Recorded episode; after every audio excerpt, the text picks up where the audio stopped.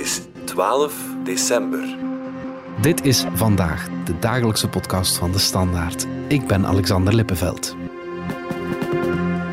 Het is tegenwoordig erg koud. De temperaturen liggen zelfs een paar graden onder het langjarige gemiddelde. Stel je voor. Maar we herinneren ons allemaal nog de bloedhete dagen van afgelopen zomer. Hittegolven en de thermometer die regelmatig de grens van 30 graden doorbrak. Het werd het nieuwe normaal. Maar welk effect hadden die temperaturen op onze tuinen? En moeten onze tuinen niet klimaatbestendiger ingericht worden?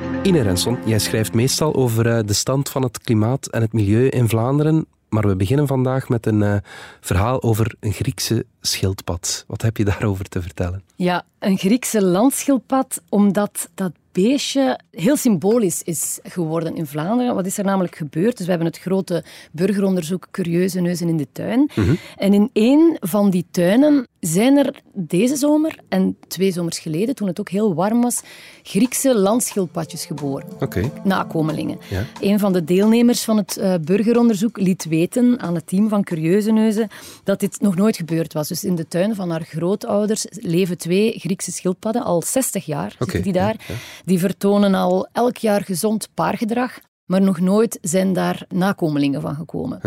En nu, in 2020 en opnieuw deze zomer, in 2022, was het prijs. En die mensen hebben ondertussen twaalf kleine schildpadjes. Oef. Ja, en dat, is, dat, dat klinkt leuk en, en bijna een fait divers, maar dat is het eigenlijk niet. Hè? Want had je een jaar of tien geleden aan biologen gezegd of aan ecologen dat er in Vlaanderen schildpadden geboren zouden worden, landschildpadden, dan zouden ze zeggen dat kan niet. Oké, ja. Dat is onmogelijk, want de, de bodem en, en de temperaturen hier in Vlaanderen zijn niet hoog genoeg, lang genoeg, om schildpadden voor te brengen. Oké. Dus je hebt eigenlijk al een bodemtemperatuur nodig die boven de 30 graden zit, een maand of twee aan een stuk. Oh, oké. Ja. en wat blijkt nu in die ene tuin in Blankenberge, is dat effectief het geval geweest. Ja. En dat heeft ervoor gezorgd dat die eitjes zijn uitgekomen. Ja. En dat is eigenlijk heel indicatief voor wat er aan het gebeuren is. Ja. Hoe, hoe hard ons klimaat aan het veranderen is. We zien nu gemiddeld gesproken dat we meer tropische dagen hebben dan vroeger. En dat er dus ook nieuwe soorten zijn die hier aarden, die dat vroeger nooit konden. Ja, en dat is nu de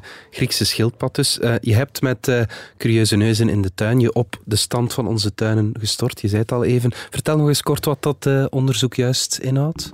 Ja, Curieuze Neuzen in de Tuin is eigenlijk het grootste burgeronderzoek naar hitte en droogte ooit, dat de Standaard voert samen met de Antwerpse Universiteit en een hele reeks partners.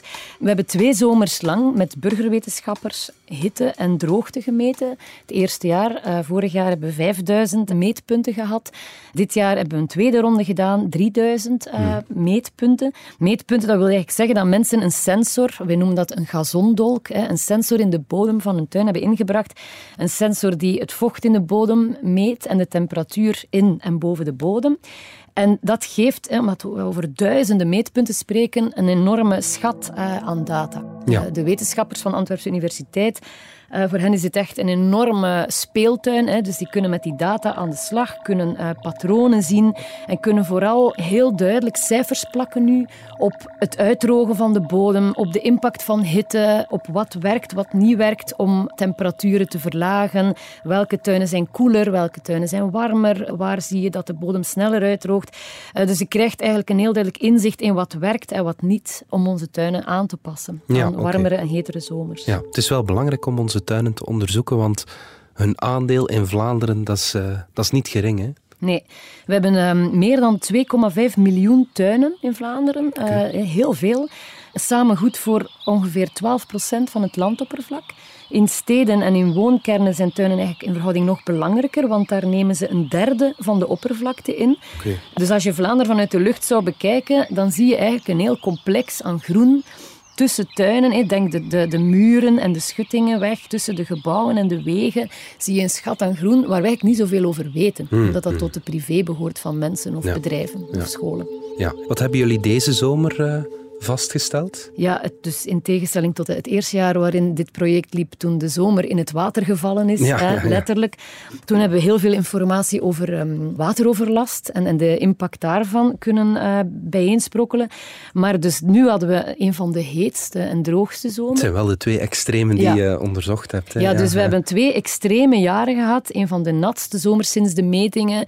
Nu een van de, van de heetste en de droogste. Dus de beruchte zomer, fameuze zomer van 1976. Ja, juist, Die hele ja. droge en warme zomer hebben we eigenlijk min of meer geëvenaard nu. Dat er eh, grote droogtes zitten aan te komen, daar zou ik toch wel eh, rekening mee houden. Dat we zo weinig mogelijk zelf water moeten gebruiken voor die tuinen en al helemaal geen leidingwater. Dus wat je zag, was dat er eh, heel veel tuinen en parken er heel dor bij lagen. Het gras bruin, de planten slap.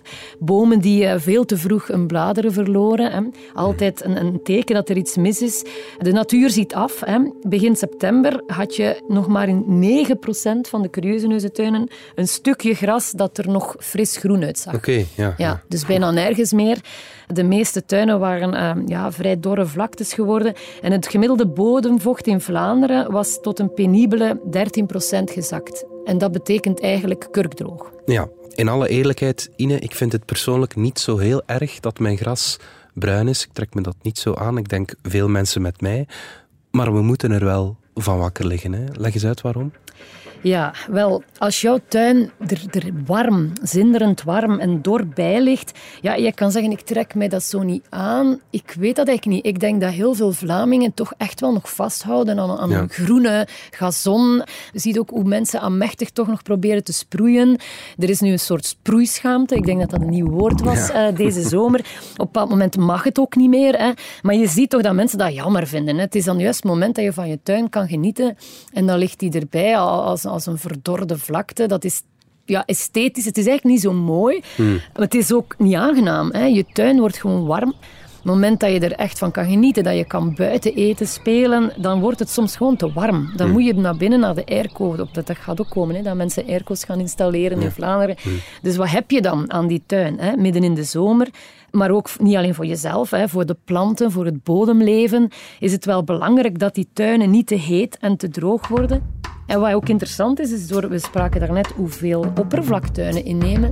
Die tuinen zijn eigenlijk een, een, een enorme eh, hefboom om ons aan te passen aan een veranderend klimaat. Hè. We onderschatten eigenlijk wat het enorme potentieel is van al die lapjes groen die ervoor kunnen zorgen dat het toch aangenaam blijft. Eh, zeker in de steden zullen tuinen een heel belangrijke rol vervullen, maar ook op het platteland. Hè. Dus je moet een beetje zien, die tuinen als, als klimaathefbomen. Het is voor de tuin zelf van belang, het is voor de van belang dat die tuinen aangenaam blijven. Ja, goed. Wat kunnen we eraan doen om onze ja, tuinen aangenamer en klimaatbestendiger ook te maken natuurlijk? Uit de analyse van de Antwerpse Universiteit eh, blijkt dat er eigenlijk drie grote ingrepen zijn die je kunt doen. Hè. Laten we misschien eens beginnen bij de typische Vlaamse tuin. Blijkt ook uit onderzoek. De typische Vlaamse tuin heeft een groot grasoppervlakte. Is een vrij leeg grasveld. Heeft vrij veel verharding. Tot een derde van eh, de oppervlakte is, is verhard. Terrassen, opritten, voortuinen die verhard zijn. Rij door Vlaanderen met de fiets of, of wandel door Vlaanderen. En je Ja. ziet dat hè, overal. Van dat beeld moeten we eigenlijk af. Hè. We moeten eigenlijk drie dingen doen. En het eerste is ontharden. Dat is eh, heel duidelijk dat dat werkt. Dat is voor veel dingen van belang. Om te beginnen voor droogte. Hè. Eens het droog is, is er eigenlijk niet veel meer aan te doen. Dan, dan, dan moeten we ons daarbij neerleggen, dan droogt onze bodem uit, dan wordt het gras bruin en dan kunnen we er nog weinig impact op hebben. Dus wat is het hele ding bij droogte, is dat je voorsprong moet opbouwen. Ah ja, Op momenten dat het regent, hè, dat moeten we zorgen dat de watervoorraad in de bodem wordt aangevuld. En we zien ook in de data dat tuinen die aan het begin van een droge zomer of een droog voorjaar met veel water in de bodem beginnen, dat die het langer uithouden. Dus de bedoeling is eigenlijk om, om, om dat reservoir zo goed mogelijk aan te vullen op momenten dat de regen valt. Hè? Want anders is het te laat. En hoe doe je dat? Door het ontharden. Ja. Dus infiltratie, een woord dat je vaak hoort nu, water laten in de bodem sijpelen, zoveel mogelijk, want het regent best wel veel in ons Ja, land. We, ja. hebben- we, komen, hè, we gaan naar een meer extremer klimaat met episodes van hevige regen. Langdurige regenbuien soms en periodes van droogte. Dus we gaan echt moeten leren het water opvangen als het valt. Wat moeten we dus doen om zoveel mogelijk water in de bodem te krijgen? Dat is het verharde oppervlak zo klein mogelijk. Het is vrij evident natuurlijk. Hè. Maar dat betekent overbodige terrastegels wippen, hè. Mm doorlaatbare terrassen aanleggen, bijvoorbeeld met hout, waar het water eh, nog door kan.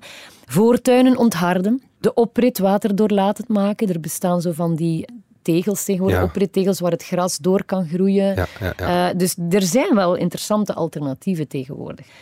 Een woord dat je tegenwoordig ook veel hoort is wadi. Ja. Je hebt er ook wel van gehoord waarschijnlijk. Dat klinkt als uh, een exotisch woord, maar staat eigenlijk voor water afvoeren door infiltratie. Een wadi is eigenlijk een, een verzonken plek in je tuin, uh, een dieper gelegen plek, die het water vasthoudt en waar het dan langzaam in de bodem kan sijpelen. Okay. Dus de bedoeling is echt dat je het overschot aan water maximaal absorbeert via zo'n plek waar het trager kan insijpelen. En dan, ja, ontharden is goed tegen droogte, maar uh, helpt ook omgekeerd bij overvloedige regenval. dat hebben we vorige zomer gezien, dus de zomer van 2021. Hoe minder verharding, hoe beter tuinen werken als een spons om neerslag te bergen. Het helpt tegen de droogte en tegen wateroverlast, maar ook tegen de hitte. Hè? Ja. ja. dus ontharden is inderdaad iets wat ook een impact heeft op de temperatuur. Uh, vooral s'nachts in de steden. want na zonsondergang geven gebouwen, uh, asfalt, tegels, straten, die geven een warmte af. Dat is het fameuze hitte-eiland-effect in de steden. Mhm. De warmte blijft als een deken over de stad hangen. En je kunt daar eigenlijk vrij weinig aan doen. Als je uh, dan een boom in je tuin zet bijvoorbeeld, of een wadi aanlegt, zal dat weinig helpen. Je moet dan vooral zorgen dat het hitte-eiland kleiner wordt. Hmm. Dat er dus minder oppervlaktes zijn, verharde oppervlaktes en gebouwen die die warmte kunnen afgeven. Ja. En uit de dataset van Curieuze Neuzen blijkt dat ook echt heel duidelijk. Hè? Als we in, um, in stadswijken enclaves creëren, groene longen creëren in woonbuurten, in bouwblokken, mhm. dan zie je dat dat echt verkoeling kan geven s'nachts. Ja, je kunt dus op het niveau van een buurt tot 1 graad koelen door daar te ontpitten, hè, door, door stukken verharding weg te nemen. En op het niveau van de hele stad uh, of van het globale hitte-eiland van de stad uh, Brugge of Gent of Leuven bijvoorbeeld, mhm. geven die groene zones ook nog eens een extra graad verkoeling. Ah ja, dus, dus het op werkt op twee niveaus. Ja, en op het niveau van waar het gebeurt. Ja, oké, goed. Straks overlopen wat je nog kan doen met je tuin, maar we gaan er eerst even uit voor reclame. Wat vind jij nu zo fijn aan bouwen met Lego-stenen? Ja, hoe moet ik dat uitleggen? Het is echt ongelooflijk. Als je met Lego-stenen bezig bent, dan verliest je echt alle besef van tijd. En dan is het klaar en dan heb je altijd iets moois om naar te kijken en waar je fier op bent. Dat jij dat gemaakt hebt. 73% van alle volwassenen is op zoek naar nieuwe manieren om even los te breken uit de dagelijkse hectiek. Zoek snel naar Lego-sets voor volwassenen en maak tijd voor jezelf. Ine, terug naar onze tuinen dan. We weten nu al, we moeten ontharden, terras, up, eruit, of toch alles wat overbodig is. Maar een grote grasvlakte zonder beplanting, dat is ook niet goed, hè? Ja, helaas uh, voor de Vlaming die vasthoudt aan zijn grasveld. Dat is echt iets, hè, de Vlaming en zijn gras. Dat is toch uh, ja, ja, een, een, een, oud duo. Maar dat is niet meer functioneel. Je mhm. kunt jezelf afvragen van, ja, zal dit kunnen blijven bestaan? Het idee van een grote grasvlakte die dan ook nog eens groen moet blijven. Als onze zomers zuiderster worden en mediterraanser, ja, in de Provence vind je ook geen groene grasvlaktes. Nee, wel, dat, je vindt ze als ze besproeid worden. hè, of in Spanje. en dat is dan weer het andere verhaal, dat je dus inderdaad niet, dat niet, die strijd niet meer kunt blijven aangaan om dat groen te houden. Dus wat doe je dan wel beter? Dat is bomen zetten in je tuin. Hè? Want bomen blijken gewoon een heel goed wapen in de strijd tegen droogte. Mhm. We hebben uh, daarnet al gezegd dat je die strijd moet voeren op voorhand, hè, als het regent. Wat blijkt? Zowel bomen in je tuin als in een aangrenzend bos. Eh, stel dat er een bosje is dicht bij je tuin, die helpen om de waterreserves in je bodem op te bouwen. Ah, ja. Het bladerdek van bomen werkt eigenlijk als een regenscherm, waar waterdruppels aan blijven hangen. En die kunnen dan langzaam naar beneden vallen of langs de stam naar beneden stromen. Het is weer het idee van zoveel mogelijk water in die bodem krijgen. Ja. Uh, een, een hevige regenbui die in het voorjaar bijvoorbeeld op een grasvlakte neerslaat, zal voor een groot stuk wegstromen. Het gras, de bodem kan dat niet aan. Terwijl een boom werkt, als een ver, werkt vertragend. Ja, hè. ja, ja. Drukt een beetje een pauzeknop in. M- Maar een boom haalt toch ook water uit de grond? Ja, dat is zo. Maar een boom wortelt veel dieper dan bijvoorbeeld gras, Mhm. waardoor een boom uit diepere grondlagen het water haalt, waardoor dat de bovenste laag van de bodem minder snel zal uitdrogen. Als je bomen hebt, dan ja. als er alleen gras zou zijn in je tuin. Ja, oké, goed. Helpen bomen dan ook tegen eh, de hitte? Ja, andere ding is inderdaad dat bomen goede airco's zijn. We hebben gezien eh, in de data van Curieuze Neuzen dat in een tuin waar minstens vijf bomen staan, de bodem gemiddeld eh, ruim een graad koeler is dan in een even grote tuin zonder bomen. Oké, ja. Dat is toch vrij substantieel, hè? die graad, gemiddelde graad verschil. Bomen verdampen water, zoals we net zeiden, maar geven ook schaduw. En het is vooral ook die schaduw die bepalend is voor hoe koel het blijft in de zomer. Interessant ook, dat schaduwaspect hè, en bomen ook verklaren waarom het in stadstuinen overdag gemiddeld een halve graad koeler is dan de meer open tuinen op het platteland of in de rand. Oké, ja. ja. Ja, en dat is echt iets, dat is echt spectaculair. Op voorhand hadden wetenschappers gedacht dat onze tuinen, onze stadstuinen, veel warmer zouden zijn. Door Ja, het hitte-eiland-effect. ja, ja, ja, tuurlijk. Maar dus ze hadden zelfs gedacht dat die drie graden warmer zouden zijn. Ah. Wat blijkt nu? Ze zijn niet warmer, maar ze zijn zelfs koeler.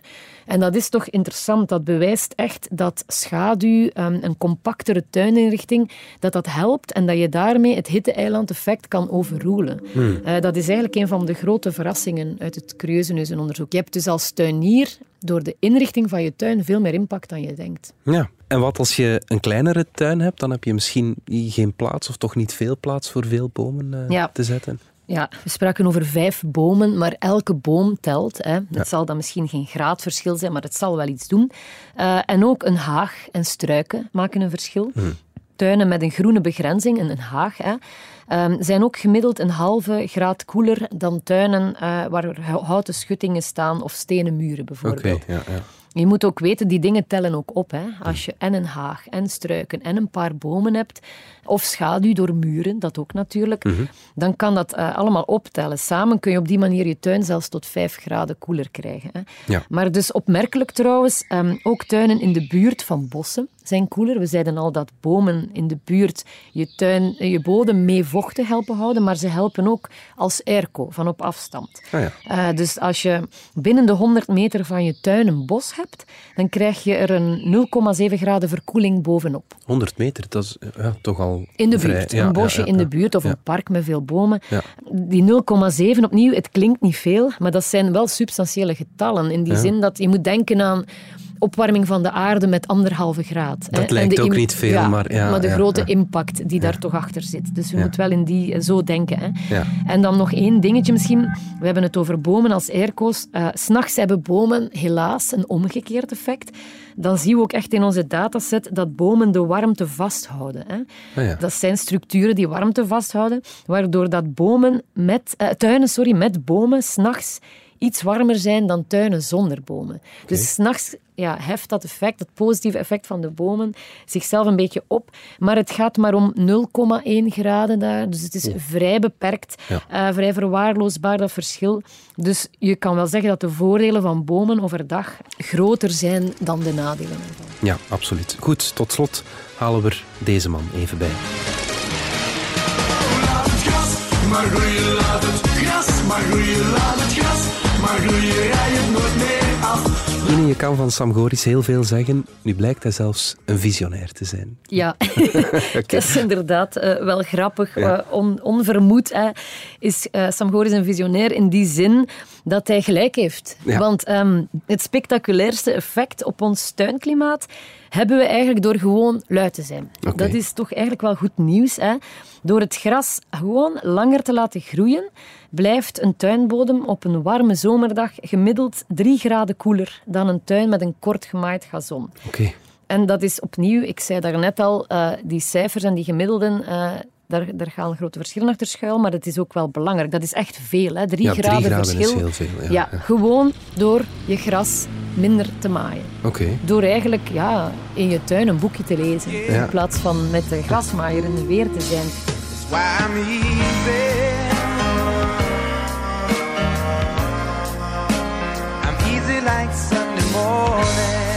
Lang gras, eh, hoe komt dat nu? Lang gras werkt als een buffer. Tegen de warmte van invallende zonnestralen. Langer gras verdampt ook meer water en werkt dus echt als een natuurlijke airco. En we zien ook dat het effect daarvan in een warme zomer, de voorbije zomer, uh, nog groter was dan in de kwakkelzomer van 2021. Dus als we weten dat we meer warme zomers gaan krijgen... Dat we meer tropische dagen hebben dan vroeger, dat uh, de hittegolven uh, ja, dat die toch wel langer beginnen te duren. Dan zal de impact van dat langer gras groter zijn. Hè? Dus dat, dat zal steeds meer een rol spelen. Mhm. Dus als we eigenlijk willen dat onze tuinen en parken aangenaam koel blijven tijdens hete zomers, dan hebben we daar gewoon alle belang bij om het gras uh, wat langer te laten groeien. En er is ook het esthetische aspect. We hadden het er daarnet al even over. Het bruine gazon. Ja, langer ja, ja. gras, wordt gewoon ook minder snel bruin. Mhm. Het wortelt dieper, raakt daardoor dieper aan water. Ah ja. Eh, kan het iets langer volhouden. Een kortgemaaide gazon die zal eh, in de hoogzomer eh, tegen eind juli een dorre vlakte geworden zijn. In, een- in zo'n warme zomer. Hè. Ja. En je krijgt daarbij ook nog eens een negatieve feedbackloop. Het bruine gras, eens gras helemaal bruin is en helemaal dor, dan gaat het in beschermingsmodus. Dan gaat het eigenlijk stoppen met water verdampen.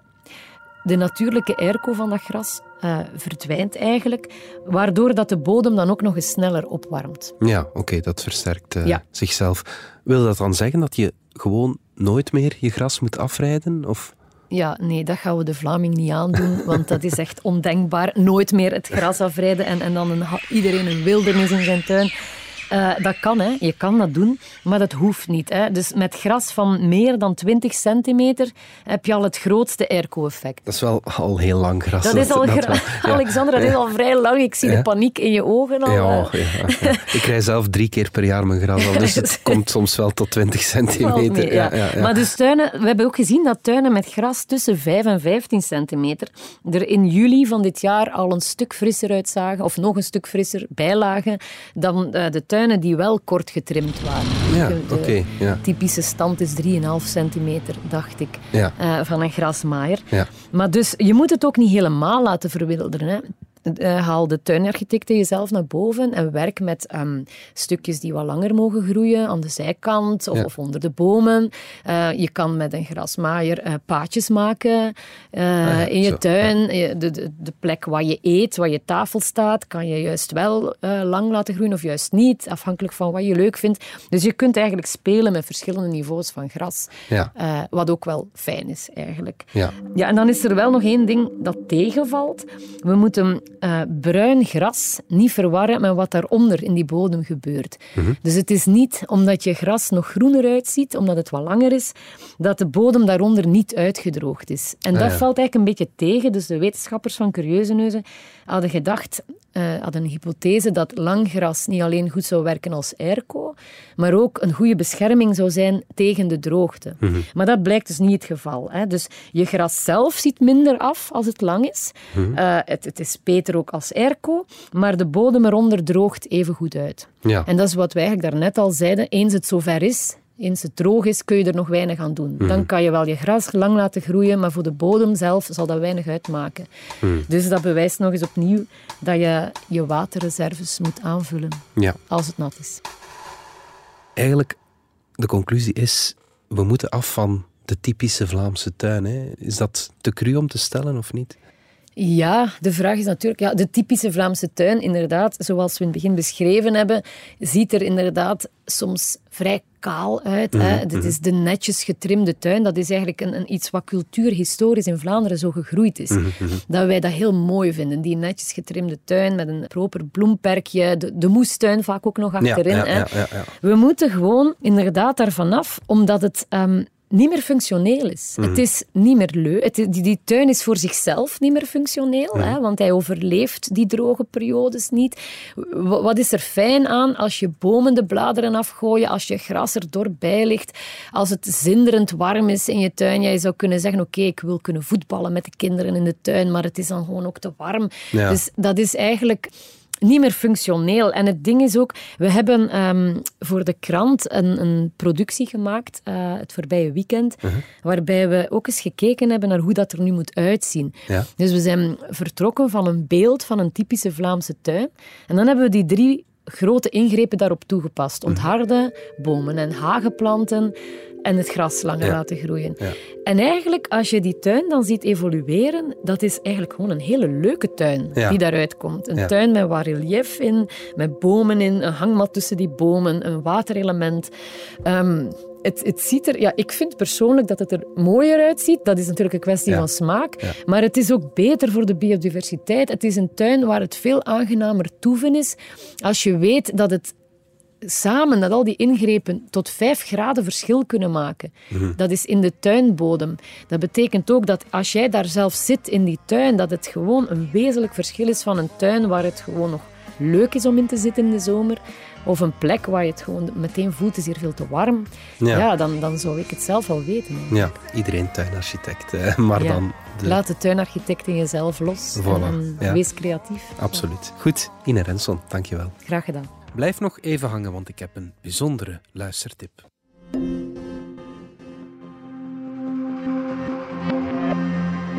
...22 maart 2016. Dat is de dag waarop de aanslagen op de luchthaven van Zaventem en in metrostation Maalbeek zijn gepleegd. Die datum, maar ook de beelden, de chaos, de paniek, ze staan bij iedereen op het netvlies gebrand. Maar wat gebeurde er voor de bommen ontploften? Hoe werden de aanslagen beraamd en wie zijn de daders die hiertoe in staat waren? Mijn naam is Cedric Lagast, journalist bij Nieuwsblad. En voor onze True Crime podcast De Stemmen van Assise maakte ik een vierdelige reeks naar aanleiding van de start van het proces in Brussel. Beluister de aanslagen van De Stemmen van Assise in je favoriete podcast-app. Dit was vandaag de dagelijkse podcast van De Standaard. Bedankt voor het luisteren. Volg ons op Spotify, Apple Podcast of eender welk ander podcastplatform. Onze gratis FDS podcast kan je niet alleen ons werk beluisteren, maar ook de beste podcasttips terugvinden, met zorg geselecteerd door onze redacteur Max de Moor. Alle credits van de podcast die je net hoorde vind je op standaard.be-podcast. Reageren kan via podcast.standaard.be. Morgen zijn we opnieuw.